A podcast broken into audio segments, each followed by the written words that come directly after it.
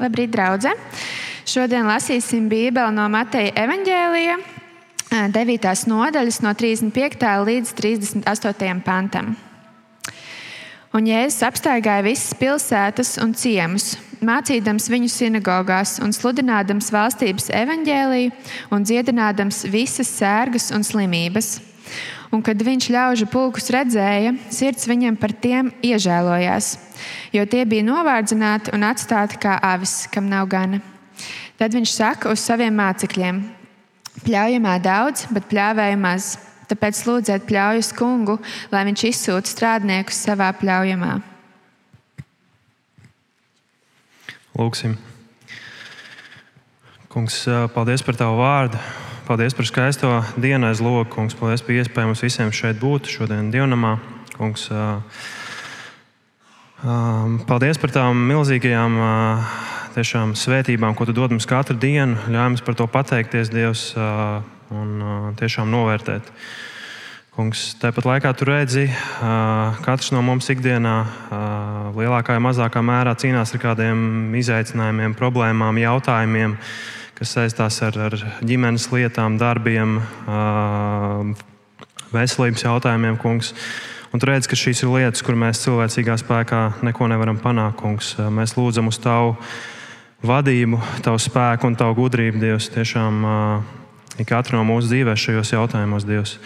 Un es lūdzu arī, ka pēc brīža, kad mēs klausīsimies svētkrunu, ka tu vari tiešām vārdu mm, dot mums saprotam, mēs tiešām varam, varam paņemt visas galvenās domas arī savā dzīvē un, un tās pielietot, kungs. Un, un arī, kad noslēgsies dievkalpojums, kungs, esmu žēlīgs arī nākamajā nedēļā, esmu mūsu dzīvēs un tiešām svēt mūsu ikdienu, kungs.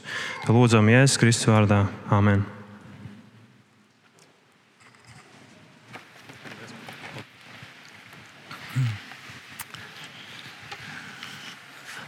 Darbie brāļi un māsas, liels prieks būt jūsu vidū. Un, uh, Mātejs, Mātei draudz ir bijis uh, liela svētība man. Tālajā, nu jau tālajā 2001. gadā, kādā nometnē, kur tāds puika no uh, tikko pabeidzis vidusskolu, nokārtojis kāds iestājas eksāmenis Rīgā no Vēncpils aizbraucu uz Mateja nometni. Un, uh, tā augusta diena izmainīja manu dzīvi, jo manā dzīvē ienāca Jēzus Kristus. Un pārceļoties no Vēncpils uz Rīgu, sākot studijas gaitas kā arhitektam, šeit iesākās pilnīgi jauna dzīve kopā ar Jēzu. Un Matejs kļuva par manām mājām. Kāds gads vēlāk es uh, satiku savu sievu Agnēs, arī viņa šeit sēž, tur pamāta. un uh, Agnēs, un, uh, un mazliet vēlāk, pēc nepilnu gadu, mēs apprecējāmies, un šeit mēs tikām salauzti. Mātejs ir bijis uh, liela svētība.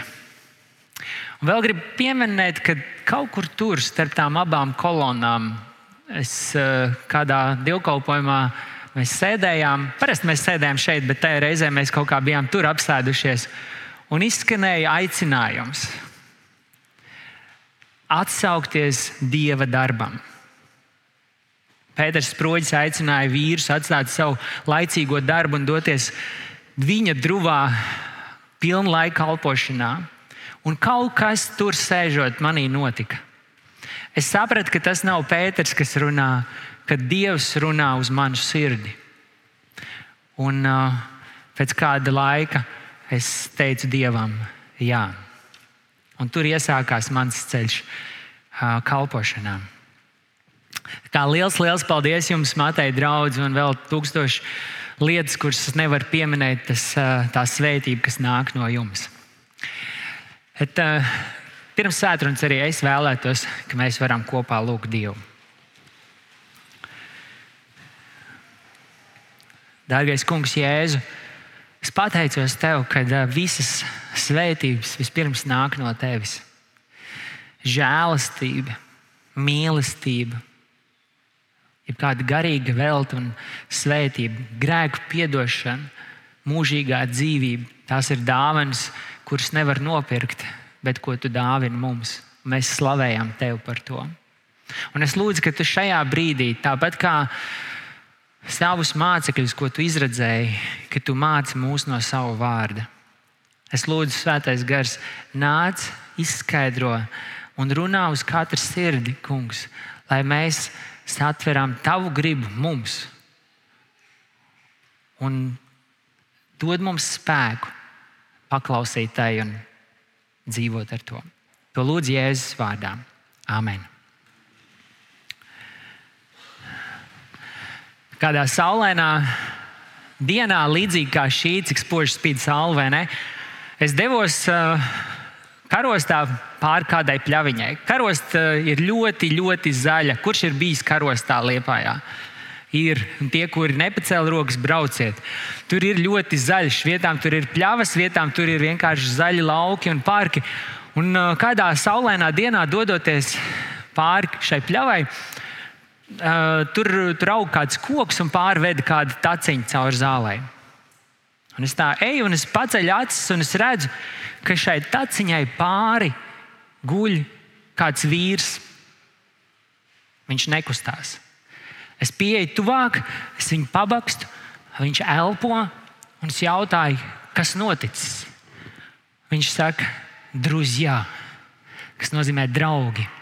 Es tā nodomāju, nu gan tev draugi, bet es, es palīdzu viņam piecelties, atsūtēju pret koku. Un, un tajā brīdī, kad es viņu paceļu, svētais gars ļauj uz mirkli ielūkoties, kas šeit iekšā darās.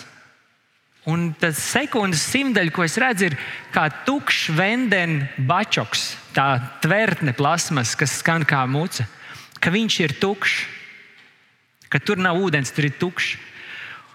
Un es saku, tev te ir tukšums. Viņš saka, jā. Es saku, tāpēc tu dzer. Viņš saka, jā.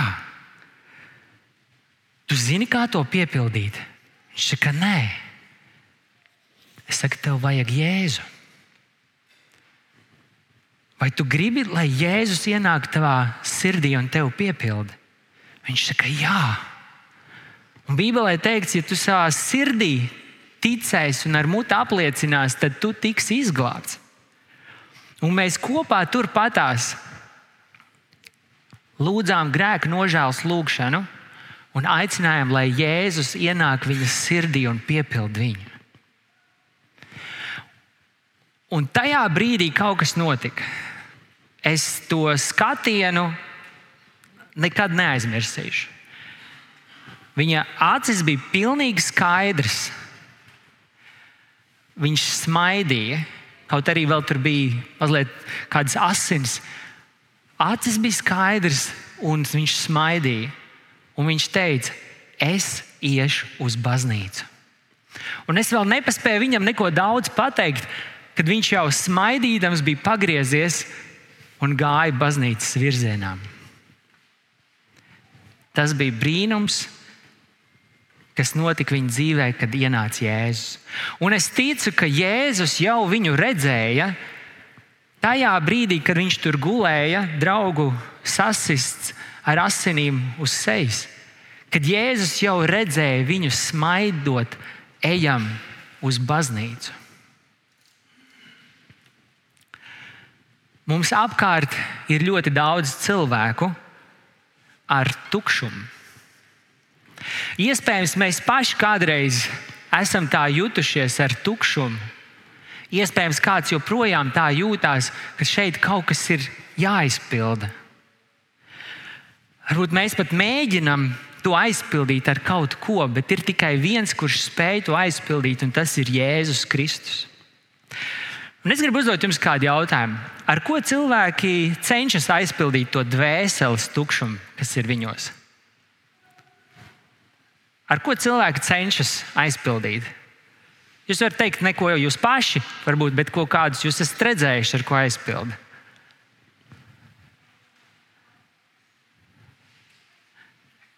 Pirmajā dievkalpojumā kāds teica, kādas atbildes. Es ticu, ka arī šajā dievkalpojumā zina atbildes. Sakiet droši. Ar ēdienu. Ar ko? hobijiem, mantām, alkoholu, azartspēlēm. Gribu būt tāds veiksmīgs, vai ne? Seks. Es atceros, kādā intervijā kāda aktrise Latvijā teica, viņa ir nogurusi no tām attiecībām, un īpaši pēc tās lielās tukšuma sajūtas, kas parādās trešajā dienā pēc īslaicīgām attiecībām. Viņa saka, es to vairs negribu. Tas tukšums pēc tam ir vēl lielāks un plosošāks. Kurš no jums ir centies no sava laulātā, no otrās pusītes, pieprasīt, lai viņš dara tevi laimīgu? Ir. Man sieva pacēla roku, es arī mēs dodam pieci. Es, es arī atzīstu, es esmu to darījis. Un um, pieprasīt no laulātā. Uh, jūs jau teicāt, uh, kāds ir mēģinājis noēst stresu, vai ne?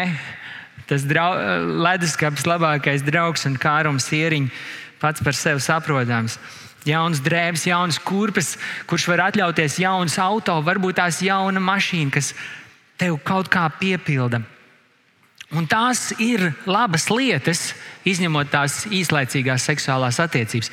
Tās visas ir labas lietas, bet ar tām nevar aizpildīt to tukšuma sajūtu dvēselē.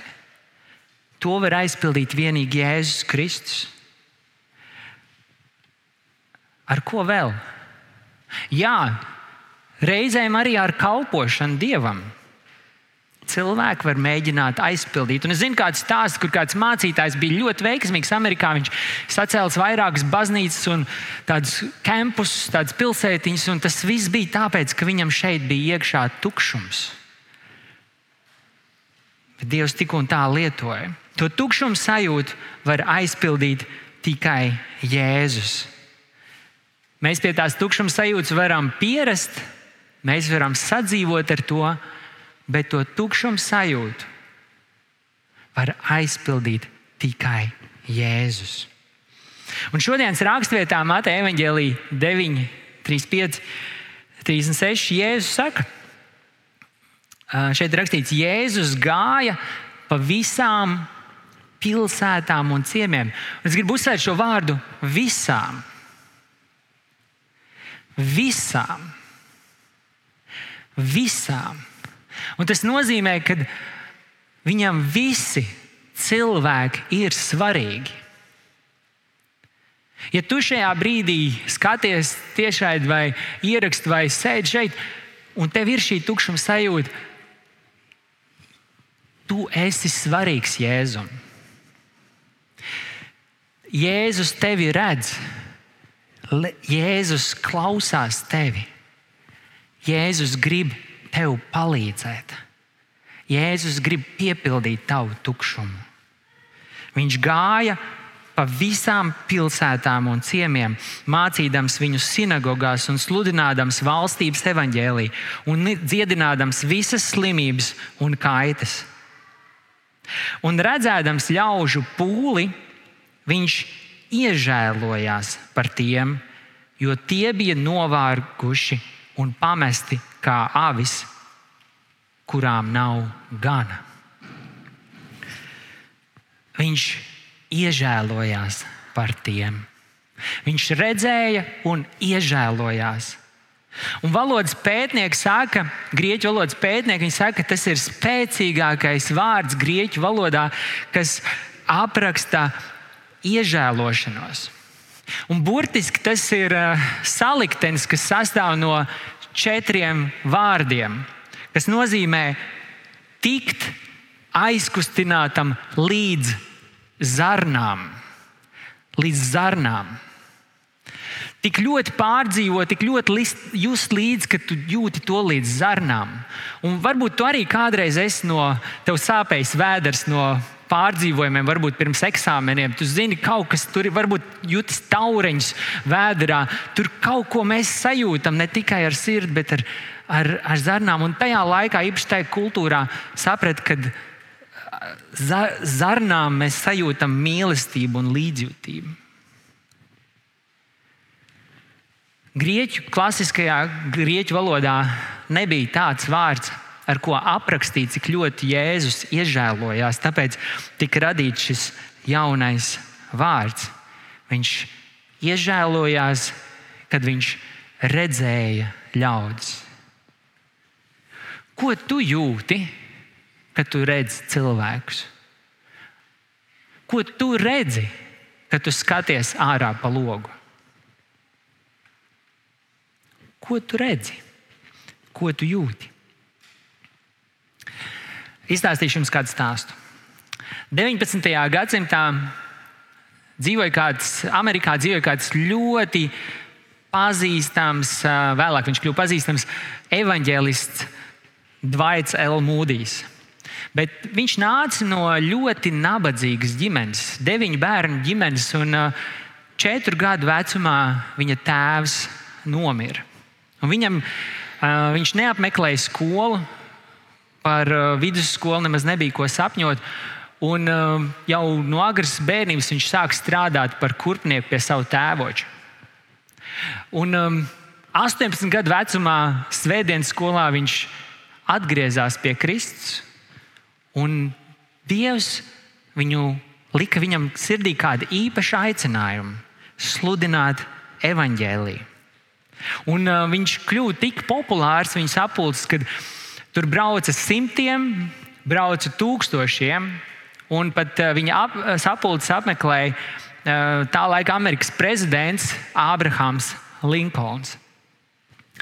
Kādā no evanģelizācijas stūrēm patiesībā ar to varētu teikt, iesākās tāds uh, evanģelizācijas stūra, tāds sapulcis, ko mēs pat joprojām varam redzēt. Pagājušā gadsimtā bija Billijs Grēhams, plašāk pazīstams Franklins Grēhams un vēl citi. Un tas iesākās ar to laiku.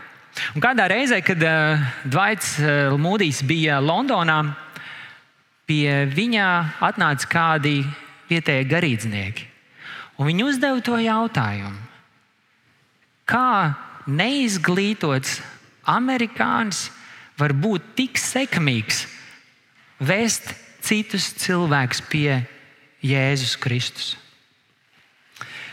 Tad um, Mūdijs uh, paaicināja viņus pie loga savā viesnīcā. Viesnīcas lokus atradās pretī parkam, un viņš jautāja viņiem, ko jūs redzat? Viens teica, es redzu kokus. Viņš jautāja otram, otrs teica, Es redzu cilvēku, kas pastaigājas pa parku.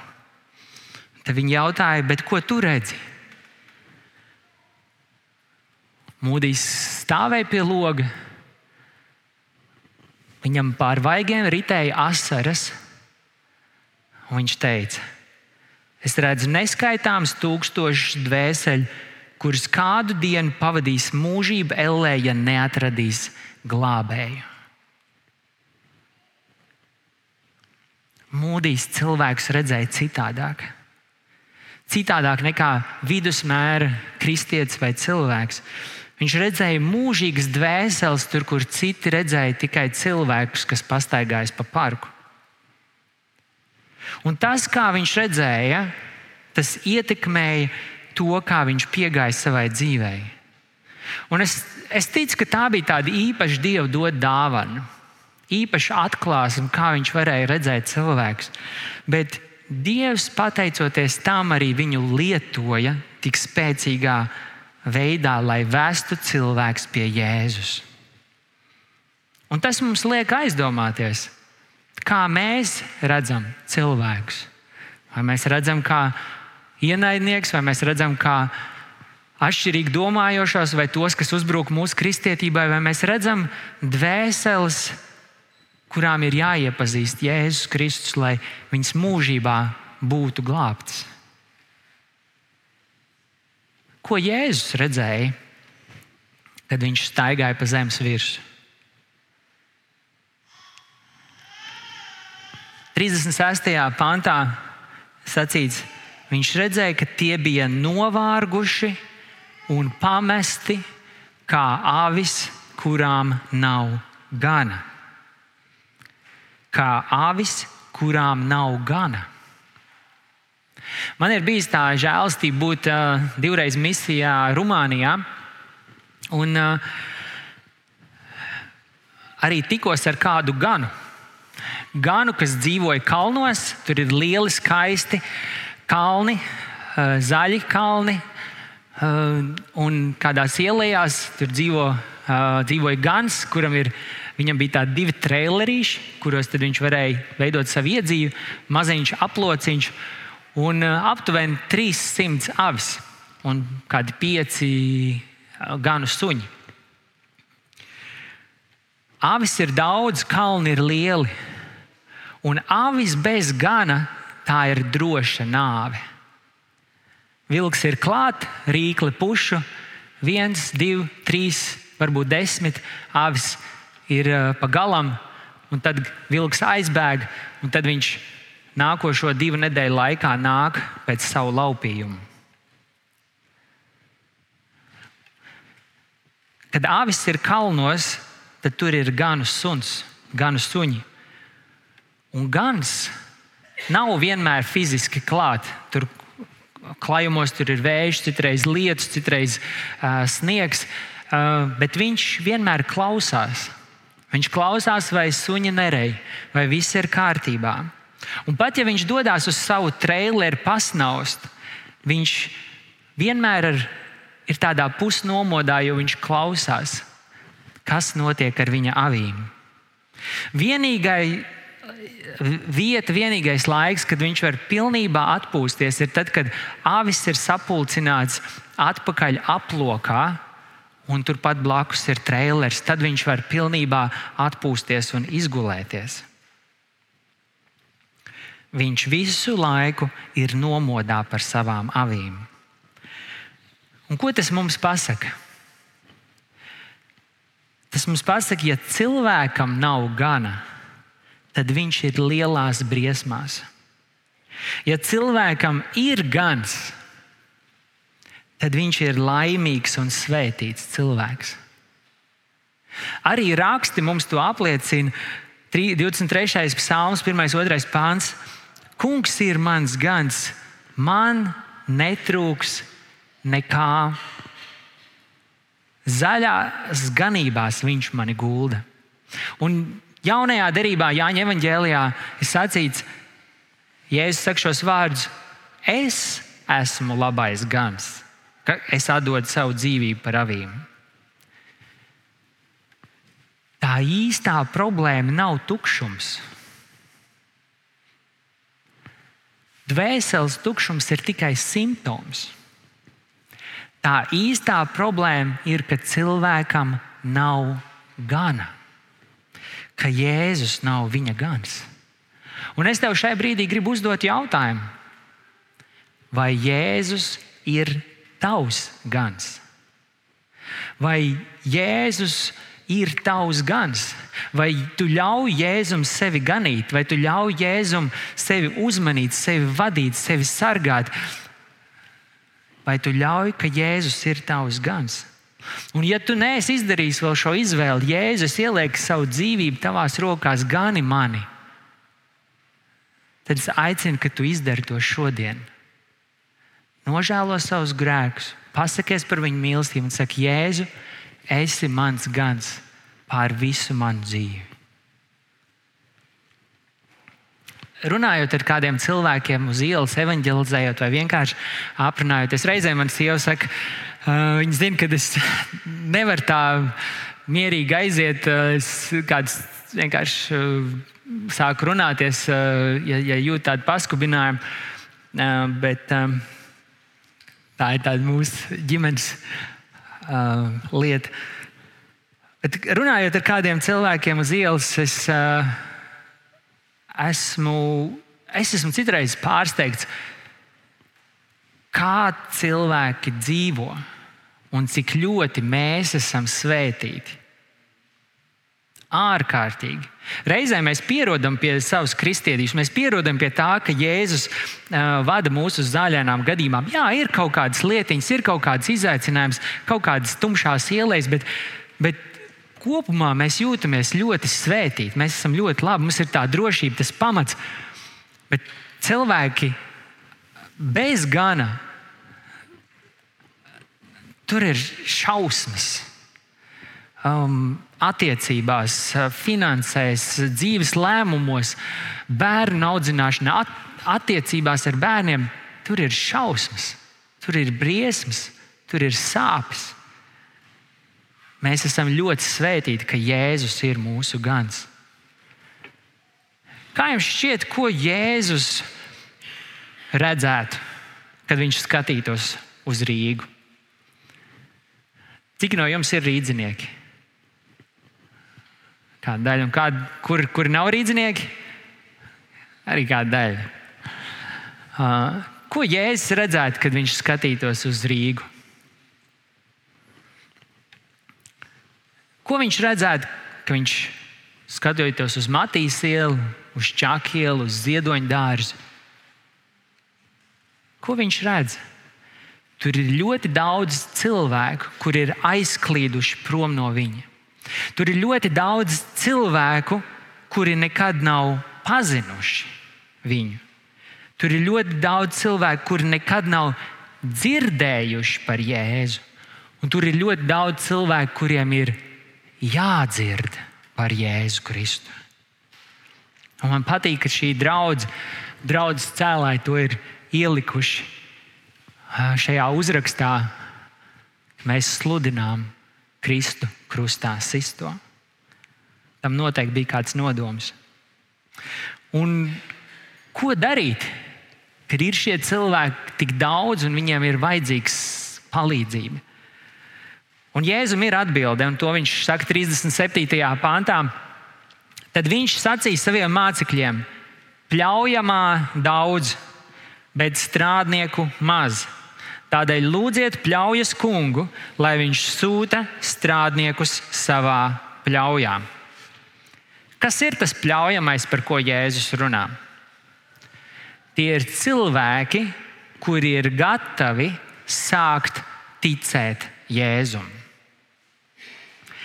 Viņš saka, ka daudz ir pļaujamā, viņu ir daudz. Jēzus redz, ka viņu ir ļoti daudz. Cik lielu ražu viņš redzēja, kā jūs domājat? Jūs varat nosaukt kādus ciparus, kādus skaitļus, cik Jēzus daudz redzēja šo ļaujamo, cik daudz cilvēku viņš redzēja. Tagad es vēršos pie jums, jums kāds skaitlis jāsaka.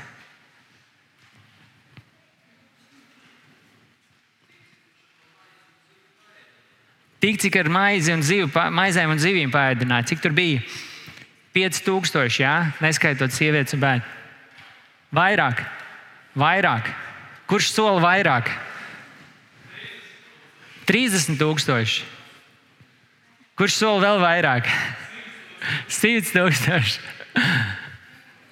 Miljoni. Visi. Man patīk tā ticība, aug, vai ne? Kad runā un nosauc lietas vārdos, tad tev ticība sāk augt. Labi, Cik Jēzum bija sekotāji 0. gadā mūsu ērā?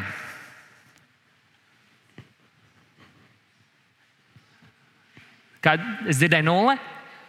Jā, 0. gadā bija nulle. Jēzum bija aptuveni 4 līdz 6 gadi.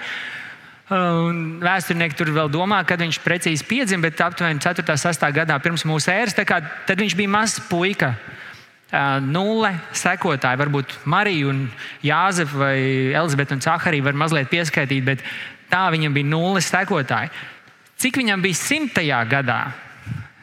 Labi, viņš jau bija devies pie uh, debesīs, augšām cēlēs, bet cik bija Kristus sekotāji? Simtajā gadā bija aptuveni 20 tūkstoši kristiešu. Kā jūs domājat, cik bija 300. gadā mūsu ērā? Aptuveni 20 miljoni kristiešu. No 0 līdz 20 miljoniem 300 gadu laikā. Pļauja, ko Jēzus redzēja, bija tik liela, ka Jēzus viens pats cilvēka veidā, būdams uz zemes, nevarēja ne viņiem visiem pasludināt, ne viņiem visiem pieskarties, ne viņus visus pat satikt un redzēt. Tā pļauja bija tik liela. Tā pļauja bija tik liela, ka pat viņa 12 mācekļi nevarētu ar to visu tikt galā. Pat 72 mācekļi netika, pat 120 no svētā gara izliešanās augšstabā nevarētu tikt galā. Tā pļauja ir tik liela. Tāpēc viņš saka, ka strādnieku ir maz. Tāpēc viņš saka, lūdziet, pļaujas kungu, lai viņš sūta strādniekus savā pļaujā. Lūdziet, pļaujas kungu, Jēzu pašu, lai viņš izredz, lai viņš pamodina, lai viņš ekipē, lai viņš sūta pļaujā. Tā pļauja ir tik liela. Un ziniet, šī lūkšana, ko Jēzus māca, tā patiešām strādā. Viņš saka, lūdziet, šī lūkšana tiešām strādā. Un es dalīšos ar kādu stāstu no savas personīgās pieredzes. Šo lūkšanu es esmu lūdzis vairākas reizes uh, uh, karostā. Un, um, kādu brīdi, kad es vairāk viņu lūdzu, kad es lūdzu katru dienu, kad es lūdzu ejot apkārt parkam, vai, vai ejot uz draugu, vai no draudzes. Tā ir lūkšana, ko es ir kāds laiks, kad esmu lūdzis katru dienu. Un uh, pirms mazliet vairāk kā gada arī bija. Es sāku lūgt šo lūkšanu. Jo es pamanīju, ka uh, varbūt šis evanģelizācijas darbs ir kāda apstākļa dēļ mazliet apsīts. Un es sāku lūgt šo lūkšanu. Sūti strādniekus savā pļaujā. Es lūdzu vienu mēnesi, es lūdzu divus mēnešus, es lūdzu piecus mēnešus, es lūdzu sešus mēnešus. Un tad es saņēmu kādu ēpastu, kādu ziņu. Klau, Mārcis, te kādi jaunieši no Norvēģijas, no Nīderlandes, no Austrālijas, kāda maza grupiņa būs Liepājā. Vai tu negribi kaut ko kopā padarīt? Es saku, jā, um, jūs varētu atbraukt pie mums, mēs varētu satikties un mēs varētu iziet karostā ielās, sludināt par Jēzu Kristu. Viņi saka, jā, forši, super. Un mēs nopirkām 50 puķu stādiņus, tādas oranžas, spilgta oranžas lielziedu samtenes. Uh, iesaiņojām caurspīdīgā, čaukstīgā plēvē, apsējām kartiņu, uh, bantīti, lentīti, pielikām kartiņu ar ielūgumu uz draugu, kādu uh, raksturvietu, vēlējumu un iedrošinošu vārdu, un, un gājām vairāk divās komandiņās un uzrunājām kādus cilvēkus. No 50 cilvēkiem viena sieviete atnāca uz to dievkalpojumu. Pusgadu pirms tam, pusgadu pirms tam kaut kas viņas dzīvē bija noticis.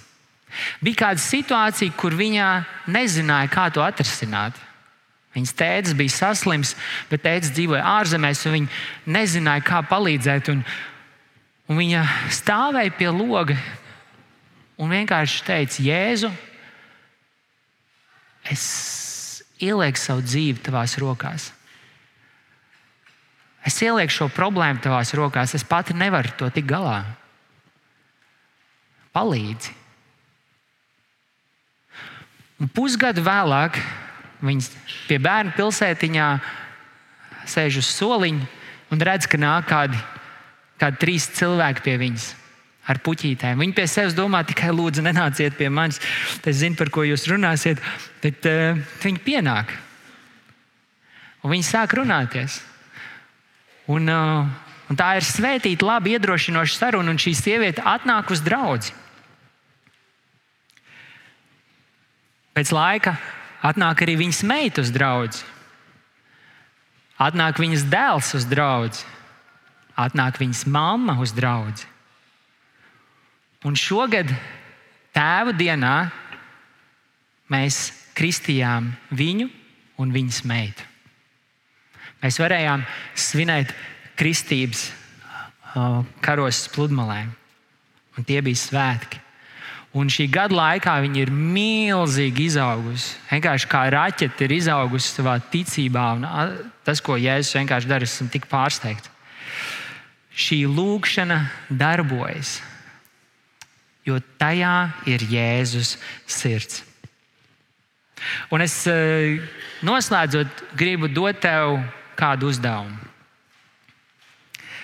Kad tu vakarā ies pastaigāties ar savu sunīti pa savu mikrorajonu vai skries krosiņu, lūdz šo lūgšanu.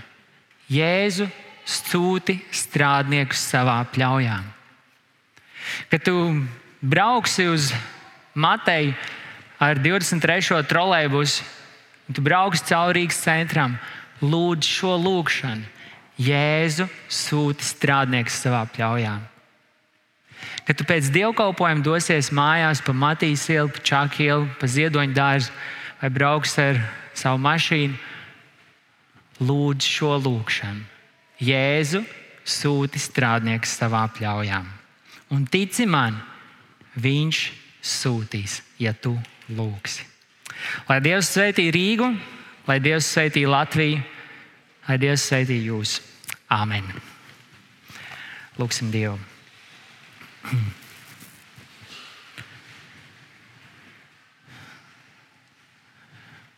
Jēzus Kristu, mēs pateicamies Tev, ka Tavas sirds iežēlojās, ka Tavs sirds iežēlojās par mums un ka Tavs sirds joprojām ir iežēlojusies par tiem cilvēkiem, kuri ir kā avis bez gana. Un, kungs, es lūdzu, ja, ka tu sūti strādniekus savā pļaujā, ka tu izdali šīs gara dāvanas, evanģēlista apstuļu dāvanu, iet un sludināt tavu evanģēliju. Kungs, es tev lūdzu, ja šajā telpā ir kāds, kur tu esi izredzējis misionāru darbam, evanģēlistu darbam, evanģēlistu kalpošanai, kungs, atrais šo dāvanu, kungs, un liec viņā šo liesmu, šo deksmi, šo sāpi par šiem cilvēkiem. Un viņa sirdi piepilda ar mīlestību, ka viņi var iet ārā un patiesi mīlēt šos cilvēkus, kuriem vēl ir vajadzīga glābšana. Kungs, es lūdzu, ka no šīs draudzes var iziet misionāri un, un mācītāji un evaņģēlisti, ka joprojām tu turpini atraisīt un izredzēt un sūtīt kalpotājus savam darbam, savā pļaujā, kungs. Es, kungs, lūdzu, ka no šejienes dodas evaņģēlijas sludināt šeit pat uz Rīgas, uz rajoniem, uz priekšpilsētu, uz citām pilsētām Latvijā un ārpus Latvijas robežām, kungs, lai tavs evaņģēlijs tiek sludināts visām tautām.